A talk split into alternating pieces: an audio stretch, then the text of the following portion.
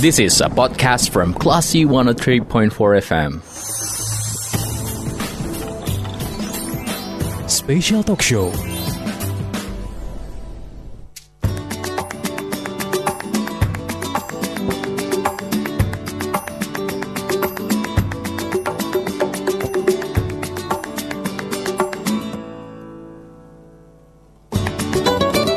Dari Bumi Karang Putih Hindarung Padang 103.4 Kelas FM This is the actual radio. Assalamualaikum warahmatullahi wabarakatuh. Halo selamat siang Classy People.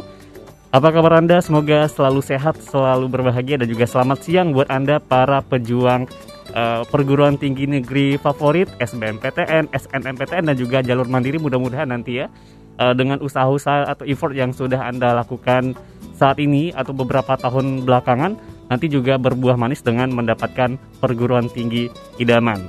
Nah, dalam special talk show di siang hari ini, kita akan membahas bagaimana sih jalur penerimaan mahasiswa baru, ada SNMPTN, SBMPTN, dan juga jalur mandiri. Untuk membahas hal ini, kita sudah bersama dengan staf ahli bidang satu bagian akademik Universitas Andalas yaitu ada Dr. Sofian SSI M APT. Assalamualaikum, selamat siang Pak Sofian.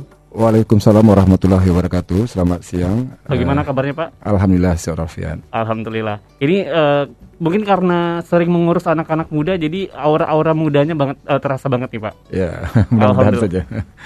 Dan di siang hari ini kita akan membahas bagaimana penerimaan mahasiswa baru, uh, khususnya nanti di masa pandemi juga, karena uh, beberapa tahun belakangan sejak 2020 itu penerimaan mahasiswa baru uh, mungkin agak terasa berbeda yeah. uh, dibanding 2019. Dan kita akan mulai dari uh, berapa sih Pak jalur penerima? Sepertinya tadi sudah saya sebutkan juga ada tiga jalur, tapi mungkin bisa Bapak uh, jelaskan secara lebih rinci seperti apa. Silakan Bapak. Baik, terima kasih uh, Mas Faris ya. Uh, selamat siang semua para pendengar semua, terutama para siswa SMA yang berada di Kota Padang atau juga di mana pun yang berada bisa mendengar suara uh, siaran ini. Uh, saya akan menyampaikan secara umum bahwasanya penerimaan mahasiswa baru tahun 2021 ini sebenarnya hampir mirip dengan tahun 2020. Hmm. Sekarang kan juga sama-sama masa pandemik ya. Uh, uh, semua perguruan tinggi negeri itu ada tiga jalur hmm. uh, untuk masuk. Ya, jadi pertama seperti itu kan tadi, pertama jalur SNMPTN atau Senam PTN, yang kedua jalur SBMPTN, hmm. yang ketiga jalur mandiri. Jadi masing-masing jalur itu ada kuotanya, Mas Faris. Ya. Jadi misalnya seperti Unan, kita sudah menetapkan untuk jalur SNPTN atau jalur undangan itu 30% hmm. dari kota. Kalau SBMPTN itu uh, 40% dan sisanya jalur mandiri itu sebanyak 30%. Berarti memang lebih banyak ke SBMPTN. Ah, banyak SBMPTN oke.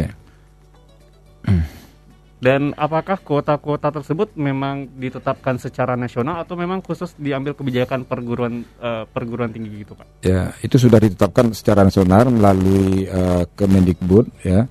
Uh, dan itu sebenarnya standarnya itu kan kalau SMPTN minimal 20 persen. Hmm. Nah, kita karena ada minimal maka kita tekan 30 persen untuk Universitas Andalas. Jadi mungkin perguruan tinggi lain bisa berbeda ya. Hmm. Untuk UNAN 30 persen. Nah, kemudian SB itu kan minimal 40 persen. Hmm. Nah, kita ngambil angka yang minimal 40 persen. Sisanya ya, mandiri mandiri mana ditetapkan maksimal 30 persen.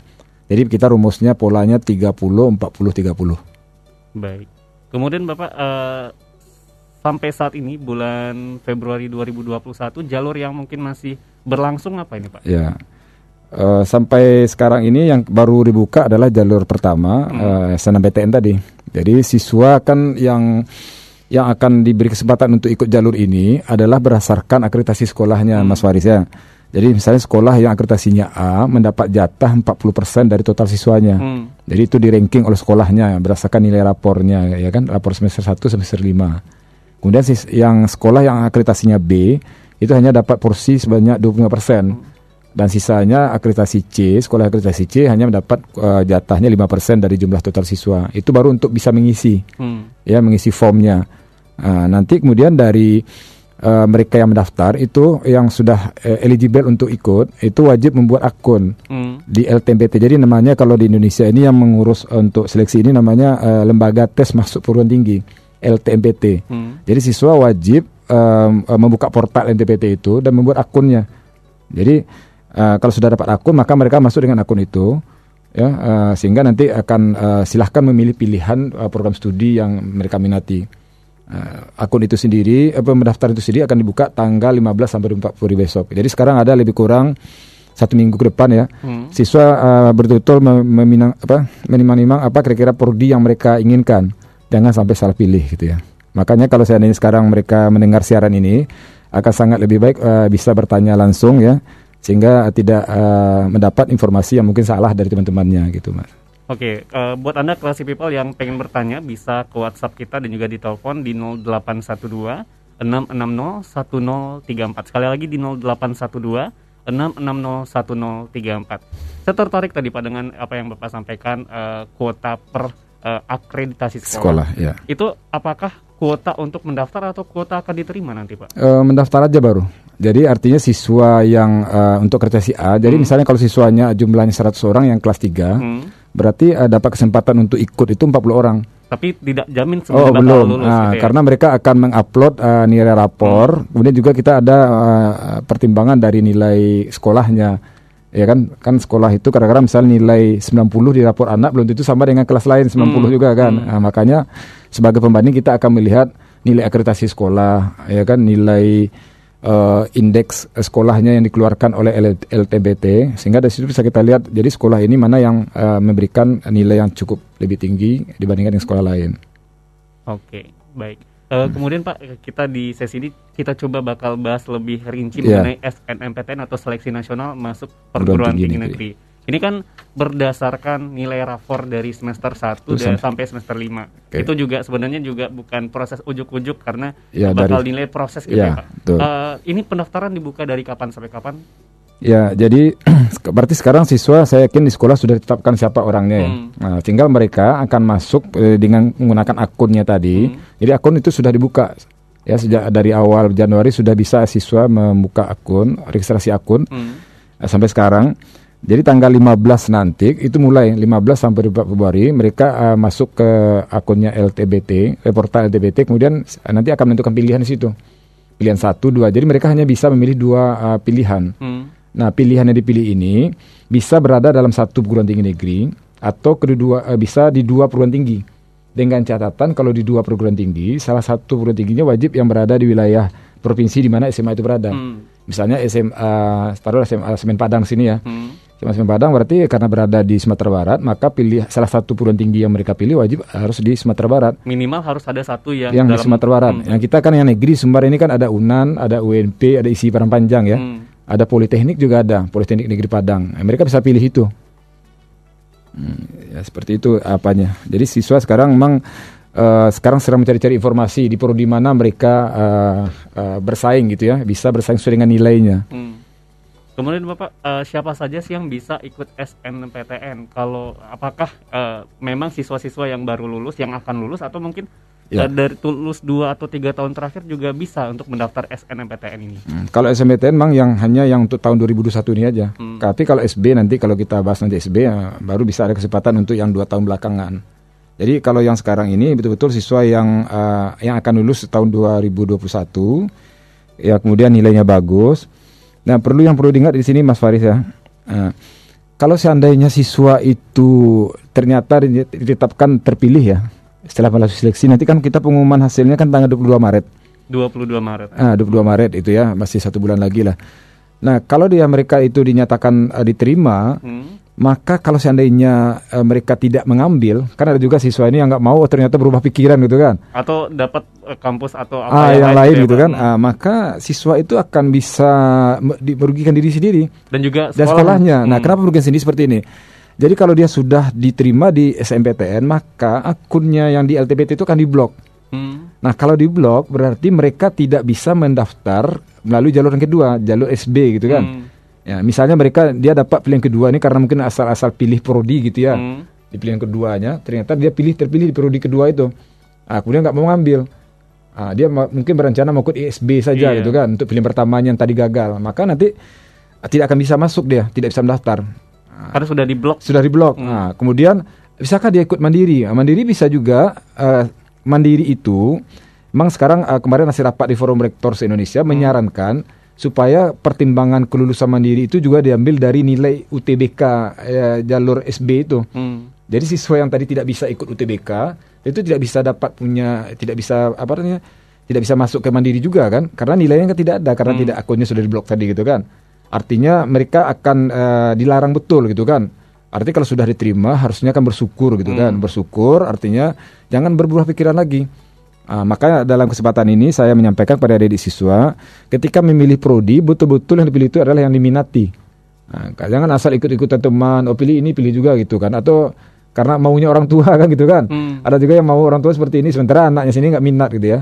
Ah, maka peran guru BK memang harus eh, betul-betul kita harapkan eh, di sekolah masing-masing sehingga anak-anak ini sebenarnya di mana minatnya sesuai dengan nilai dan kemampuan eh, ketertarikan anak itu sendiri gitu kan. Diarahkan bukan karena keinginan orang lain. Iya, gitu. ah, betul-betul dari kemampuan akademik dan minat bakat anak itu sendiri yang harus kita gali. Hmm. Supaya jangan ketika ah, diterima dia ragu atau tidak jadi pendaftar gitu kan.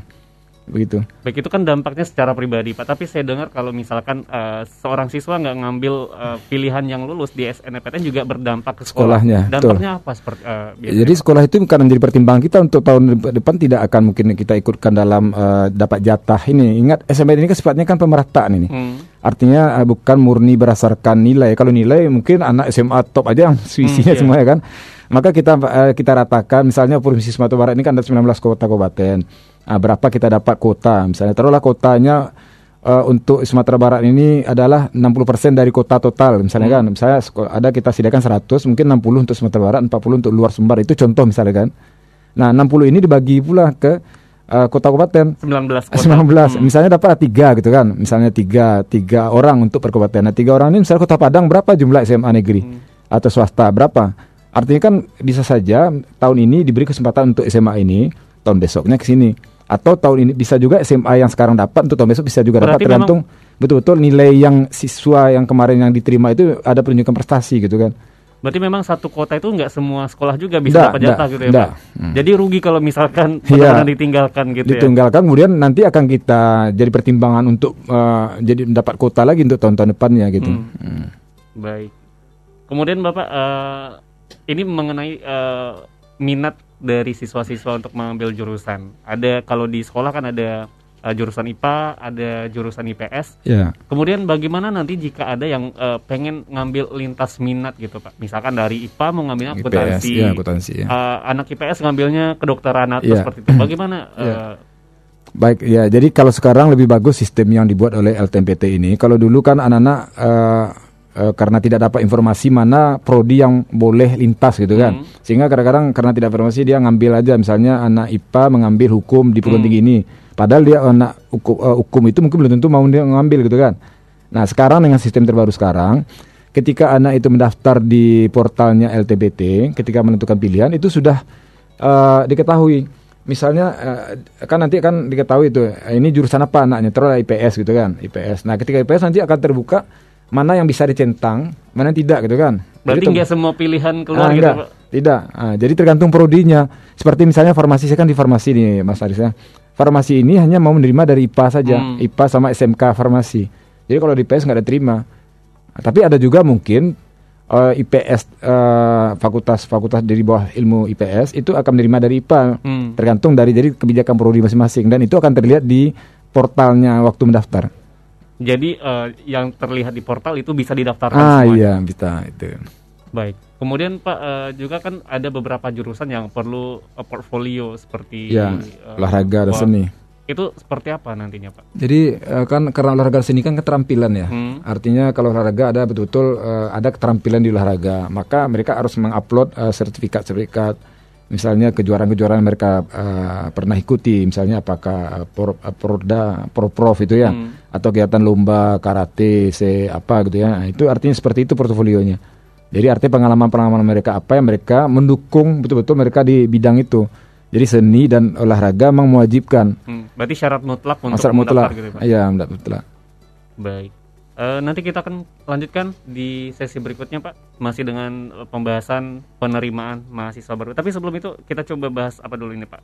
Eh, apa saja sih eh, proses pendaftaran eh, untuk SNMPTN ini mungkin Ya. buat eh, buat classy people di rumah yang Ya. mungkin lagi masih kebingungan karena juga sebenarnya di tahun-tahun sebelumnya juga banyak eh, ya semacam masalah-masalah yang kita berharap di tahun ini masalah-masalah tersebut bisa diminimalisir gitu Pak. Iya. Eh, baik ya, jadi adik-adik eh, siswa mungkin sekarang yang mungkin sebagian ada di rumah eh, belajarnya, Hmm. Atau juga bapak ibu orang tua yang punya anak eh, nanti akan masuk eh, perguruan tinggi, mohon dapat mem- eh, mendengar informasi kami ini, bahwasanya kita sekarang sudah membuka jalur SMPTN dan itu secara resmi akan dimulai tanggal 15 sampai 24 Februari. Nah, yang paling krusial itu adalah penentuan prodi ini, program studi oleh eh, anak-anak kita. Jangan sampai anak menentukan prodi itu hanya berdasarkan ikut-ikutan teman, bukan berdasarkan kemampuan akademiknya. Atau dipaksa orang tua. Ada paksa orang tua, jadi kan artinya mohon di, anak eh, bapak ibu orang tua mungkin berdiskusi dengan anaknya gitu kan. Kalau perlu tanya guru BK-nya. Hmm. Ah, pergi ke sekolah kira-kira anak kita ini cocoknya di mana gitu ya. Nah, karena orang tua kan maunya anak ini kuliah misalnya kalau IPA dokter semua gitu kan. Padahal anaknya nggak nggak mau gitu kan. Jadi ah, kita sinkronkan dengan kira-kira kemampuan akademiknya di mana. Kemudian eh, ketertarikan minat dan bakatnya ada atau tidak, ah, baru kita tentu pilihan. Karena itu dia sudah menentukan pilihan, kalau diterima ternyata tidak diambil, merugikan dia sendiri dan juga merugikan sekolah. rugi kalau sekolah misalkan eh, anaknya udah lulus tapi nggak ngambil ya Ah, kuota iya. untuk tahun depan adik-adik Ah dapat iya, lagi belum tentu dapat lagi gitu Hmm. kan. Jadi itu jadi pertimbangan besar bagi kita. baik pak kita eh, bakal break dulu Eh, Ya. di sesi berikutnya nanti kita akan membahas mengenai seleksi bersama masuk perguruan tinggi negeri dan kelas people jangan ke mana-mana pastikan anda keep in tune di 103,4 kelas FM masih dalam special talk show bersama saya Faris Hardana dan juga eh, Bapak Sofian yang merupakan eh, staf ahli bidang satu bagian akademik Universitas Andalas. This is a podcast from Classy 103.4 FM. Special Talk Show.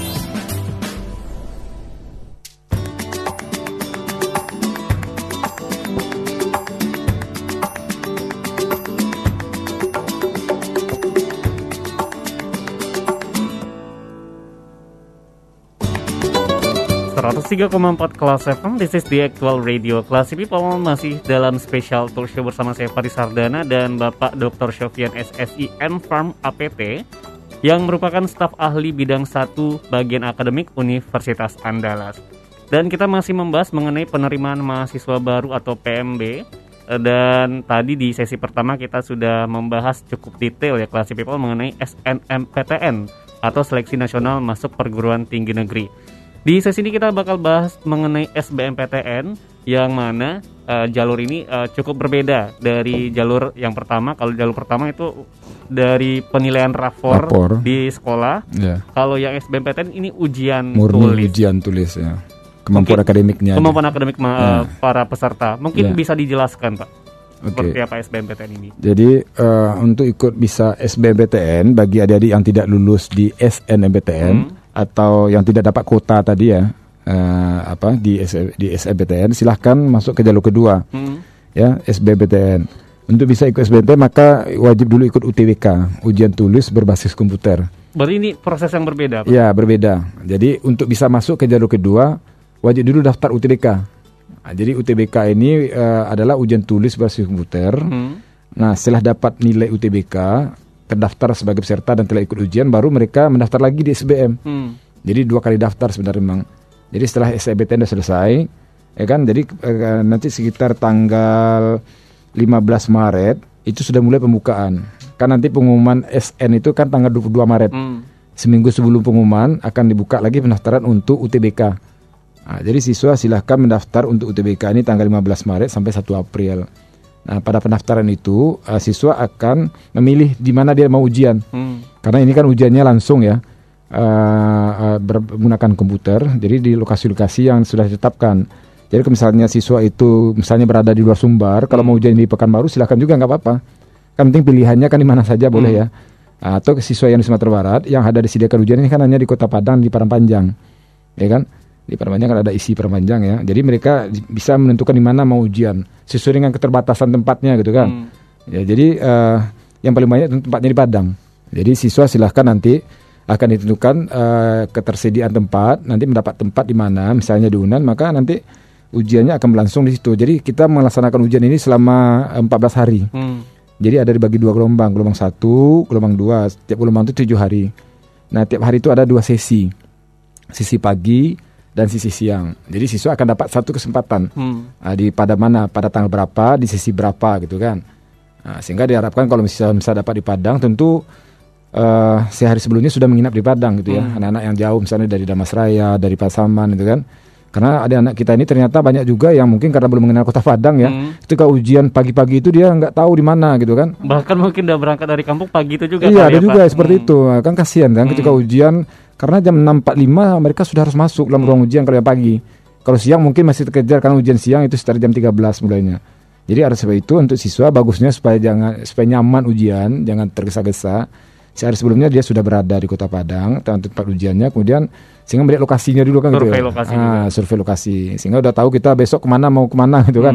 Contohnya kampus Unan ini kan cukup ini juga kampus Besar. Unan besar Hmm, hmm. sehingga bisa aja mereka nggak tahu di mana gitu ya Bahkan untuk tersesat. keliling itu harus mungkin yang angkot juga iya, kali ya, Pak. ah, iya.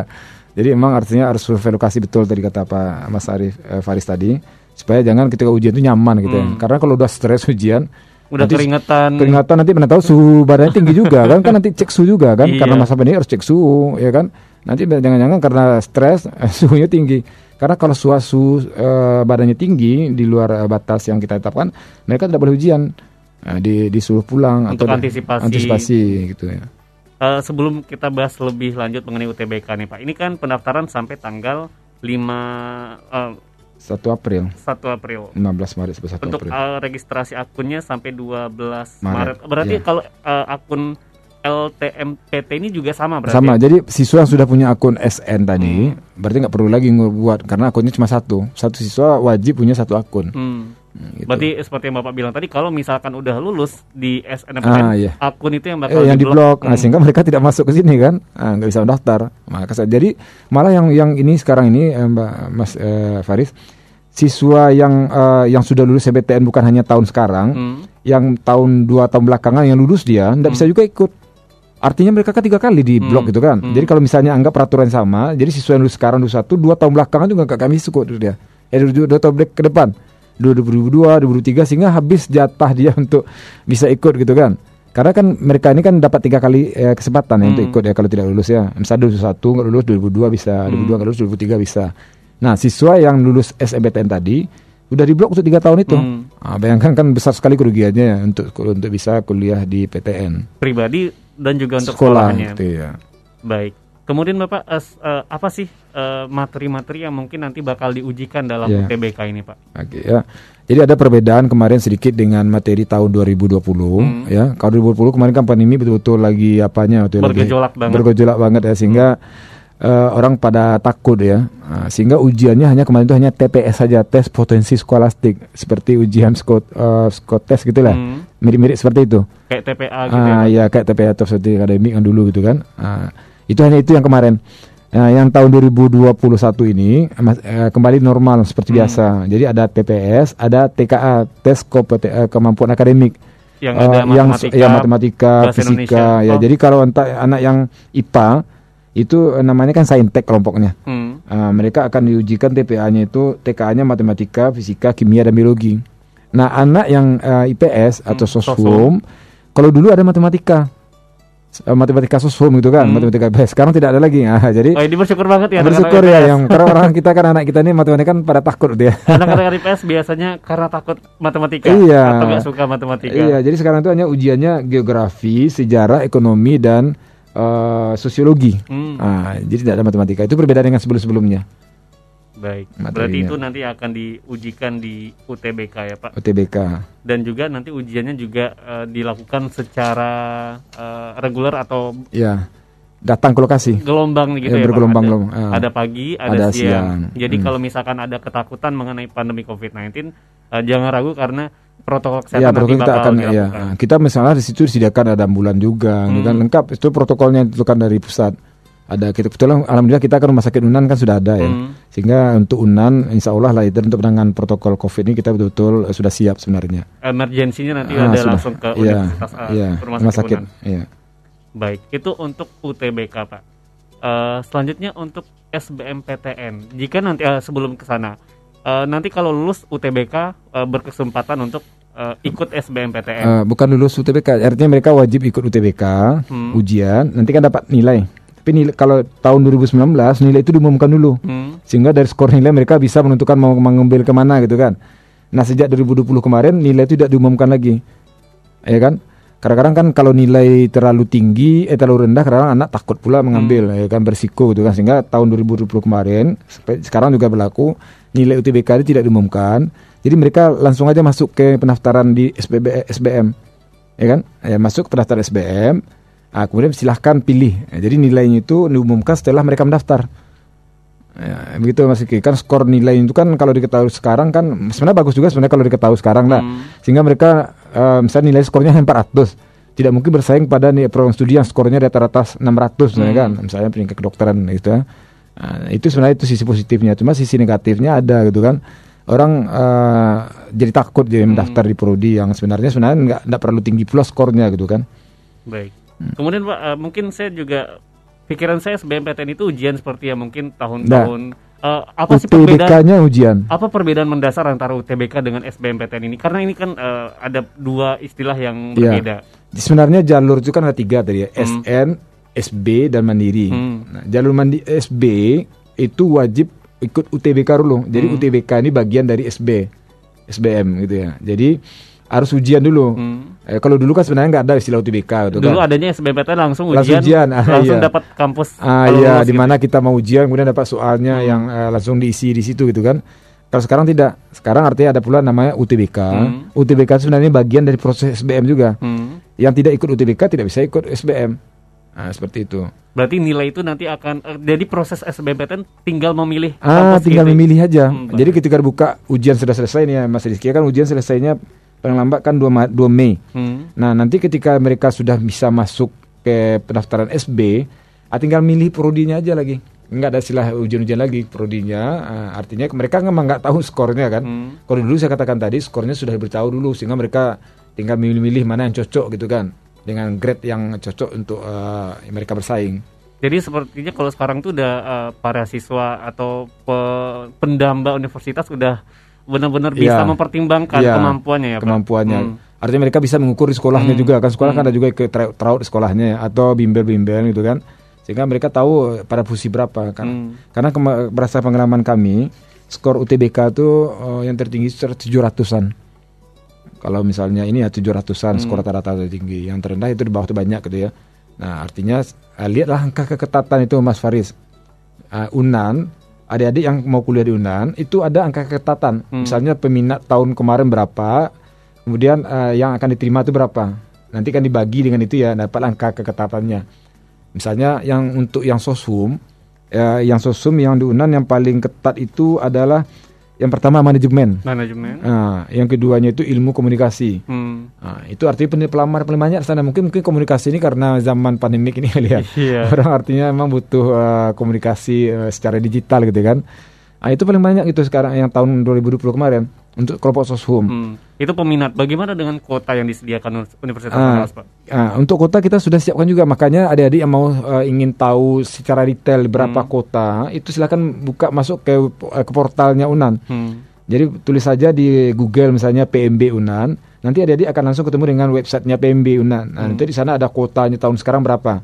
Ya, misalnya sekarang ini kota kita di tahun 2021 ini untuk jalur SB itu 2800 eh, 586 orang. Hmm. Nah, tersebar di mana-mana saja gitu ya. Misalnya kedokteran berapa.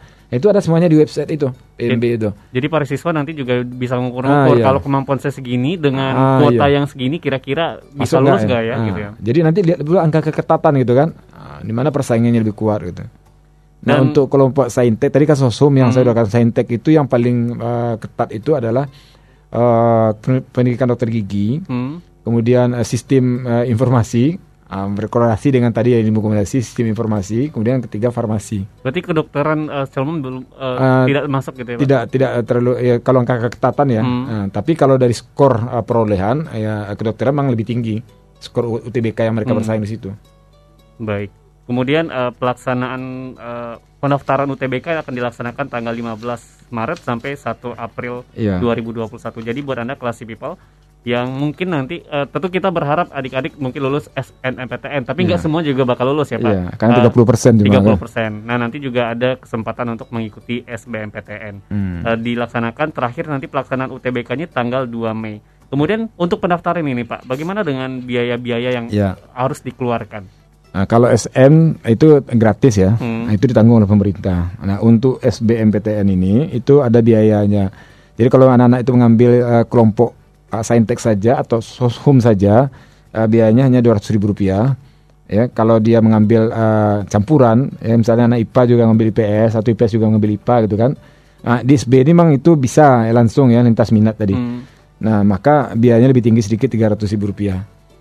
Apa eh, biasa kan kalau lintas minat misalkan dari saintek ngambilnya ke Soshum. hukum, ke eh, manajemen akuntansi Iya. dan lain gitu Pak. Apakah nanti juga misalkan dari soshum mau ngambil ke sistem informasi, mau ngambil ke pendidi- pendidikan dokter gigi juga bisa di Bisa. Jadi kalau SB ini mungkin kan. Hmm. Nah, kalau SMPTN memang itu ditentukan oleh prodinya eh, ke mana dia Hmm. bisa. ya. Tapi kalau kalau SB itu bisa ya. Misalnya seperti ini Mas Rizky, akuntansi gitu ya. Akuntansi ini kan banyak juga hitung-hitungan nanti kan. Hmm. Artinya kalau mereka ingin orang yang eh, inputnya eh, mengerti matematika tentu diambil anak kelompok. IPA kali lebih bisa juga masuk Hmm. gitu kan. Atau tentang sistem informasi apa namanya ilmu komunikasi kan juga bermain dengan media sosial, Hmm. media digital. Kan anak-anak IPA juga care juga di sana kan. Hmm. Jadi artinya eh, sekarang prodi itu memang sekarang tidak bisa hanya spesifik itu gitu saja tapi juga harus membuka diri gitu Hmm. kan, harus melebur. Karena perkembangan itu juga sebenarnya orang-orang udah bisa belajar apa pun. Ah gitu ya, iya, ah, betul. Baik. Kemudian persyaratan pesertanya nanti eh, seperti Bapak bilang tiga tahun terakhir masih bisa. ya ikut bisa. ya, Pak. Ah, ya. Jadi anak yang lulus tahun yang kemarin tidak lulus tahun 2020, 2019 boleh atau paket C paket C juga bisa. Jadi yang yang yang tidak eh, masuk sekolah umum tapi dia masuk sekolah khusus seperti paket C asal usianya per 1 Juli 2021 besok itu 25 tahun. Hmm. Jadi bisa untuk kuliah. Baik. Eh, kemudian Pak, eh, ini kan biaya 200 atau 300 ribu, eh, mungkin eh, ringan bagi sebagian orang, tapi Iya. berat bagi sebagian yang lain. Bagaimana nanti subsidi-subsidi yang mungkin bisa didapatkan oleh siswa-siswa Yang kurang mampu. kurang mampu, Pak? Ya. Jadi gini ya, eh, kita ini pemerintah sudah sangat apa sekali ya dengan hal-hal seperti itu. Ada namanya program eh, bidik misi kalau dulu namanya ya, Mas Faris. Sekarang namanya diganti dengan eh, Kartu Indonesia Pintar. Hmm. Karena ada Kartu Indonesia Sehat eh, untuk di bidang kesehatan, di bidang pendidikan namanya Kartu Indonesia Pintar (KIP). Nah, KIP ini ada pula nanti ada KIP sekolah, ada KIP kuliah. Hmm. Nah, untuk yang yang anak adik-adik kita yang ternyata berasal dari keluarga yang kurang mampu, ah, bisa mendaftar, bisa mengajukan untuk bisa mendapat KIP kuliah, kuliah tadi. Hmm. Ah, caranya bagaimana? Silahkan adik-adik itu masuk ke portal Kemendikbud. Nah, tulis saja nanti di misalnya di Google KIP kuliah, nanti akan diarahkan ke sana gitu kan. Nah, di situ adik-adik mendaftar dulu secara online. Ya kan, misalnya Unan Unan dapat kuota misalnya 1400 Hmm. dari semua orang itu kan. Nah, jadi kita hanya dapat dapat eh, calon dari dari Kemendikbud itu. Nah, misalnya siapa yang eh, kebetulan misalnya mereka ada terima di Unan, ya kan nanti mereka kalau sudah pem- pemegang kartu KIP maka gratis. Ya. Nah, maka Itu pendaftaran saja atau juga untuk Semuanya. kuliah? Eh, uang pendaftaran juga gratis, eh, kemudian biaya kuliahnya juga gratis, ya kan? Eh, malah uang untuk jalur mandiri kan pakai uang cukup mahal ya. Hmm. Ya, ada uang pembangunan namanya PI pengembang institusi itu kan. Seperti kedokteran gigi itu kan 150 juta. Hmm. Cukup mahal ya. Artinya kalau mereka terima di jalur mandiri mereka gratis juga. Eh, Apakah ini semacam pengganti dari bidik misi atau Ya, bidik misi dulu namanya bidik misi. Nah, makanya nanti untuk menetapkan kota ini biasanya kita akan mensurvei ke betul-betul ke rumahnya, Mas Faris. Kita pastikan apakah betul enggak sesuai dengan data yang, yang mereka kirim itu kan. Kadang-kadang anak ini uh, buatlah uh, data yang serendah mungkin penghasilan tua padahal misalnya atau rumahnya tidak ada dibilang Artinya kita lacak di lapangan banyak juga temukan ternyata rumahnya bagus-bagus gitu Iya, kan. atau mungkin eh, rumahnya gubuk tapi ternyata sawahnya luas. Iya soal luas atau PBB kita lihat PBB-nya gitu kan Hmm. kita lihat nanti PBB-nya berapa per tahun kan atau listriknya Hmm. eh ternyata listriknya 2200 misalnya kan kekuatan voltnya gitu kan Jadi eh, kalau bisa ya para siswa-siswa yang mungkin ingin mendapatkan ini benar-benar dari ah karena mampu. akan kita survei gitu kan Hmm. akan kita pastikan mereka ini layak atau tidak gitu Jangan kan. sampai nantinya sebenarnya kita nggak layak, kemudian orang yang seharusnya ah layak iya itu nggak dapat gitu nggak ya, dapat ya Hmm. kasihan gitu kan Hmm. Kita ke WhatsApp ada pertanyaan dari Mas Arif di Kuranji. Eh, Bapak saya mau nanya, dulu waktu ikut SNMPTN, saya pernah dengar info katanya dalam pemilihan kampus di jalur ini, katanya dalam tanda kutip Unan lebih memprioritaskan calon mahasiswa yang memilih Universitas Andalas di pilihan nomor satu dalam SNMPTN. Hmm. Apakah informasi ini benar? Dan kalau benar, apakah uh, hing- sampai sekarang masih berlaku? Ya, makasih ya Nanda Arif dari Kuranji tadi Kuranji, ya. Bapak. Eh, jadi untuk eh, pilihan tadi, Hmm. Kalau kita memilih, tentu orang milih pilihan pertama yang kita inginkan ya. Prioritas Ah, ya. prioritas. Karena rata-rata kan yang pilihan kedua ini nanti pada tahun kedua rata-rata banyak Mas Arif yang habis itu dia berhenti, Hmm. nggak cocok pindah lagi ke kampus lain gitu kan. Nah, berdasarkan pengalaman itu, maka prodi tiap-tiap prodi itu memang punya ke- keputusan sendiri ya. Seperti farmasi dah saya seperti farmasi. Farmasi itu nggak mau dia ngambil pilihan kedua. Nah, dia mau ngambil pilihan satu saja karena di pilihan satu aja sudah banyak betul nilainya bagus-bagus gitu kan. Hmm. Untuk apalagi pilihan kedua gitu kan. Nah, tapi banyak juga prodi yang masih eh, mau mengambil yang anak yang menjadikan pilihan kedua prodi itu. Jadi kalau seperti ini contohnya, jadi ada kotanya seperti 80-20%. Hmm. Jadi 80% itu yang mengambil pilihan pertama diseleksi semuanya, di ranking sehingga diambil misalnya kotanya 100 ya, 80 orang diambil yang pemilih pertama. Ya kan? Nah, sisanya 20 orang lagi itu diambil dari yang eh, pilihan kedua. Ada itu banyak juga yang prodi seperti itu. Hmm. Tapi beberapa prodi tertentu ya seperti farmasi, ya saya lihat ya teknik, kedokteran, mereka cenderung memilih yang pilihan eh, pilihan pertama saja.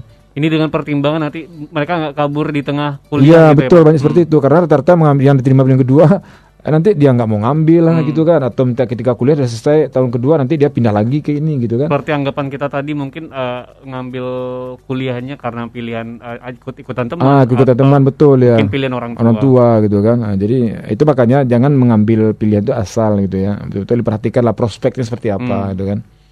Baik. Nanti kita akan bahas lanjutannya Pak di sesi berikutnya dan Classy People jangan ke mana-mana masih dalam special talk show. This is a podcast from Classy 103.4 FM. Special Talk Show.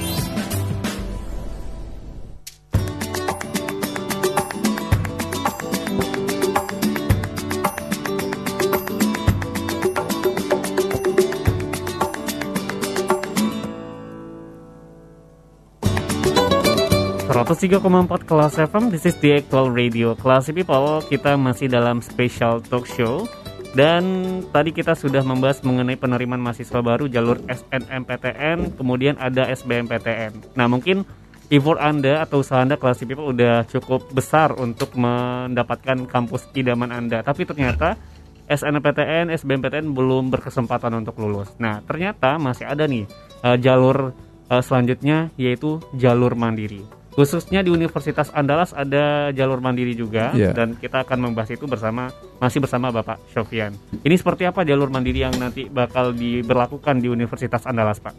Baik ya, eh, para eh, siswa semua atau para, atau para orang tua, ibu bapak yang ada di rumah yang mendengarkan siaran kami, kami ini, atau ada juga sekarang lagi di perjalanannya di mobil ya. Eh, kita ada betul sekali jika tidak lulus di SN, kemudian SB juga tidak lulus, maka ada yang terakhir jalur mandiri. Nah jalur mandiri ini kita eh, itu tergantung perguruan tinggi masing-masing ya Mas Arief ya. Eh, jadi kita kalau dulu ada nama ujian, pakai seleksi lalu ujian. Sekarang karena pandemi, eh, UNAN memutuskan sejak 2020 kemarin tidak ada ujian, hanya mengupload data-data yang dibutuhkan. Nah berdasarkan itu ada empat eh, kita buka sekarang ini. Yang pertama eh, berdasarkan kemampuan akademik, Nah, sama dengan SNPTN kemarin. Hmm. Nah, Nilainya dari nilai sana. rapor aja nilai rapor semester 1 sampai semester 6 Nah, tambah dengan eh, sertifikat-sertifikat misalnya mereka pernah ikut juara olimpiade matematika misalnya gitu ya itu pertimbangan lebih besar pertimbangan untuk besar ya untuk diterima itu yang pertama jalur eh, kemampuan eh, Akademik. akademik namanya SBKA yang kedua eh, namanya berdasarkan prestasi unggul jadi namanya SMPU namanya Memang ini istilah-istilah ini agak apa ya agak rumit untuk mendengar eh, menghafalnya yang penting ada eh, berdasarkan prestasi unggul nah prestasi unggul ini keistimewaannya kalau sudah diterima itu tidak eh, dibebaskan dari uang pembangunan uang uang eh, PI itu Jadi kalau selama ini orang berpikiran kalau mandiri udah ya Ah, pakai PI ya, pengembangan institusi hmm, atau hmm. UKT tertinggi ya. Untuk prestasi unggul kita tidak. Jadi khusus prestasi unggul ya. keistimewaan banget Iya, ya, karena mereka gini, kenapa diistimewakan? Karena ini kan mereka yang kita rekrut ini orang-orang yang juara-juara lomba ini. Ya, juara lomba internasional, nasional, dan provinsi. Provinsi hanya yang kita ambil itu yang juara satu saja. Hmm. Kalau dulu tahun kemarin yang juara tiga masih kita akomodir ya. Kalau sekarang enggak, hanya juara satu tingkat provinsi, kemudian tambah yang juara minimal juara tiga setingkat nasional atau juara minimal juara tiga untuk internasional. Nah mereka ini kan kita gunakan untuk lomba-lomba yang mewakili nama UNAN nanti Hmm. kan.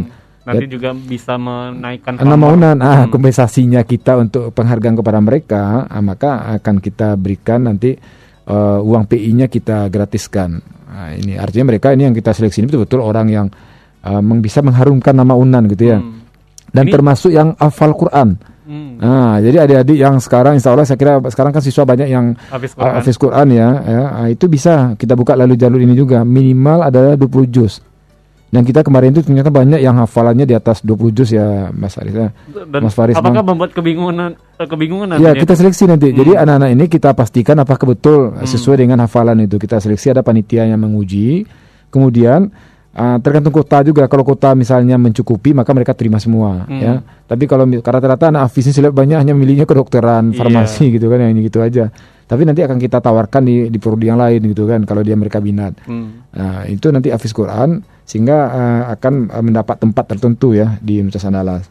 Dan terakhir baru Eh, sebelum ke sana Pak, Ya.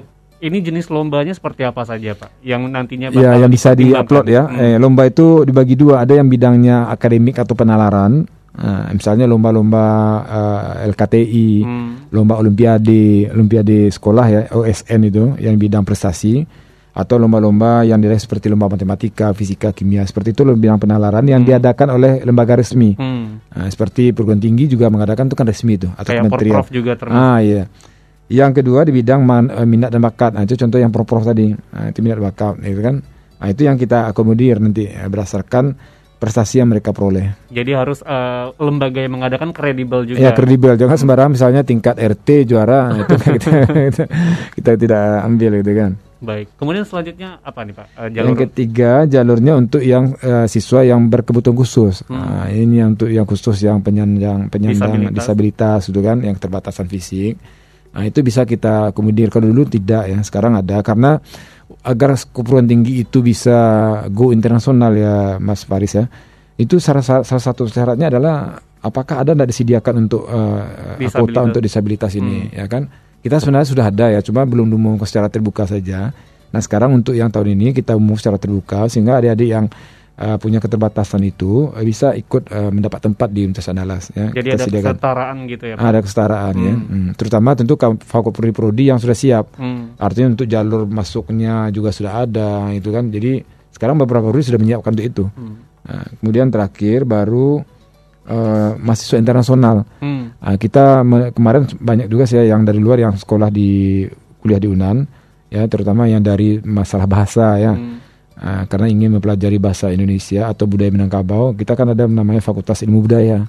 Itu banyak itu yang siswa dari luar kan. Ah, mereka kuliah di ah, di sastra Indonesia, ya kan sastra Minang. Karena salah satunya prodi sastra Minang yang ada di dunia hanya di, di Unan. Hanya satu-satunya Ya Pak. kan sastra Minang gitu Iya. ya. nggak ada di ITB nggak buka sastra Hmm. Minang atau di mana UI juga nggak ada gitu kan. Nah, kita ada sastra Minang. gitu. Dan nggak cuman eh, mahasiswa da- dalam negeri, ternyata luar ah, negeri juga lu- banyak. orang luar tuh kadang-kadang kan tertarik dengan hal Hmm. yang unik-unik gitu kan. Hmm. Ah, dia mau mempelajari seperti itu. Baik. Berarti Hmm. itu eh, untuk mandiri eh, sebenarnya juga eh, buat Anda classy people, eh, mungkin anaknya juga sedang eh, prepare buat SNMPTN, SBMPTN. Kalau misalkan nggak lulus dua-duanya, Hmm. eh, masih ada kesempatan untuk ikut mandiri. Meskipun sebenarnya kita prioritas tetap Iya, ke SNMPTN atau SN dulu SBMPTN sama gitu. SB Hmm. gitu. Mandiri ini artinya kalau alternatif terakhir gitu Hmm. kan. Baik. Kemudian nih Pak, eh, di luar ini semua eh, pendaftaran mudah-mudahan nantinya eh, bisa diikuti secara lebih baik, gak ada ketimpangan informasi yang didapat oleh para Iya. siswa. Kemudian mengenai perkuliahan di masa pandemi ini seperti apa, khususnya di Universitas Andalas Pak? Ya, alhamdulillah untuk eh, di Universitas Andalas eh, kita eh, perguruan tinggi negeri ini kan eh, masih di bawah Kementerian Kebudayaan Pendidikan Kebudayaan Hmm. Kemendikbud. Jadi kemarin itu sebenarnya sudah ada rencana kuliah untuk tahun 2021 ini eh, secara offline itu ya, seperti biasa normal atau normal terbatas. Tapi karena mengingat eh, masih eh, laju eh, pandemi ini juga masih tinggi ya kan, maka eh, Kemendikbud membuat aturan semuanya online lagi. Jadi kita sudah kembali online kecuali untuk untuk yang eh, prodi-prodi tertentu yang mensyaratkan keterampilan itu kan nggak bisa lagi online seperti kedokteran gimana cara dia menjahit eh, bedah itu secara online itu kan kan betul-betul dilatih. Itu itu wajib itu. Atau farmasi yang betul-betul bagaimana membuat obat itu kan kan tidak bisa secara online harus betul-betul dilatih keterampilannya gitu Butuh kan. praktikum langsung gitu. ya. Ah, praktikum tertentu yang tidak bisa ditawar itu mereka datang ke kampus. Tapi kita atur secara eh, protokol kesehatan. Baik. Hmm. Jadi nanti buat Anda classy people ya benar-benar aware dengan uh, protokol kesehatan Iya. secara pribadi dan Iya. juga sudah disediakan oleh pihak uh, universitas. Tas andalas.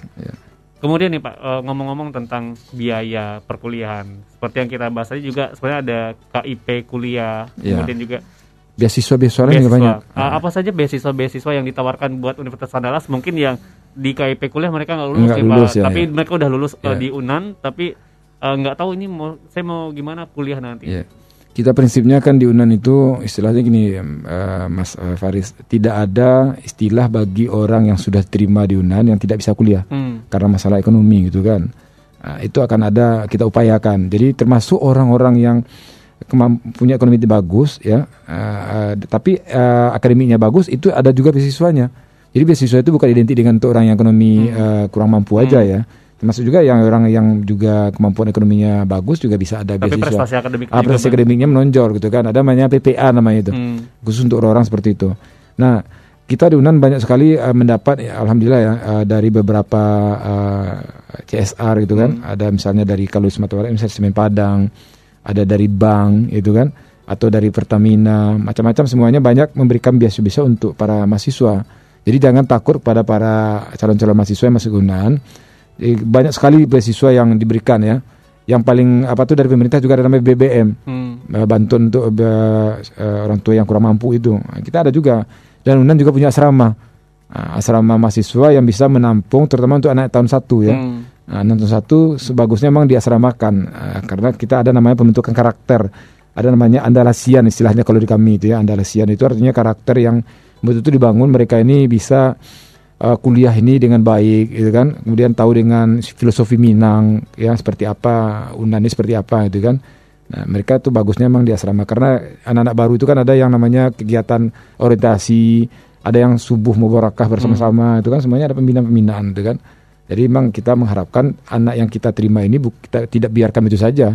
Betul-betul kita bina sesuai dengan karakter yang visi misi yang kita inginkan. Karena visi Unan itu kan adalah eh, menjadi universitas yang terkemuka dan bermartabat. Hmm. Nah, terkemuka dalam SDM-nya, ya dalam hal ipteknya, bermartabat dalam karakternya gitu. Dan demi kejayaan bangsa. Ah, untuk kejayaan bangsa, betul sekali. Baik. Kemudian nih Pak, eh, dan juga sebenarnya terkait beasiswa juga mahasiswa nggak boleh berpangku tangan, tapi juga harus aktif mencari Aktif, informasi. iya. ah, Gak mungkin nantinya eh, mahasiswa nggak aktif eh, mencari informasi, kemudian tiba-tiba ujuk-ujuk ada yang nawar beasiswa nggak. Enggak, kita selalu memberikan informasi itu kan Hmm. di bidang kemanusiaan ini informasi sekarang ini ada beasiswa yang ditawarkan. Nah, silahkan ikut. Nah, Hmm. mahasiswa yang banyak juga memang seperti yang, yang Mas Farid tadi, yang mahasiswa diam-diam aja, Hmm. kemudian baru dipertanya gitu kan. Nah, emang harus mahasiswa itu harus dibuka ininya, artinya dia harus betul-betul aktif mencari informasi. Perlu kan bertanya lah gitu kan. Nah, di kampus kan ada bisa kita bertanya apakah sudah buka beasiswa atau belum gitu kan. Alhamdulillah kita beasiswa sangat banyak ya Mas Arif ya yang bisa kita sediakan. Baik. Hmm. Terakhir ya Pak, karena waktu kita juga sudah menjelang jam 11 waktu Indonesia Barat, apa mungkin yang bisa kita sampaikan eh, closing statement kepada Oke. classy people di siang hari ini?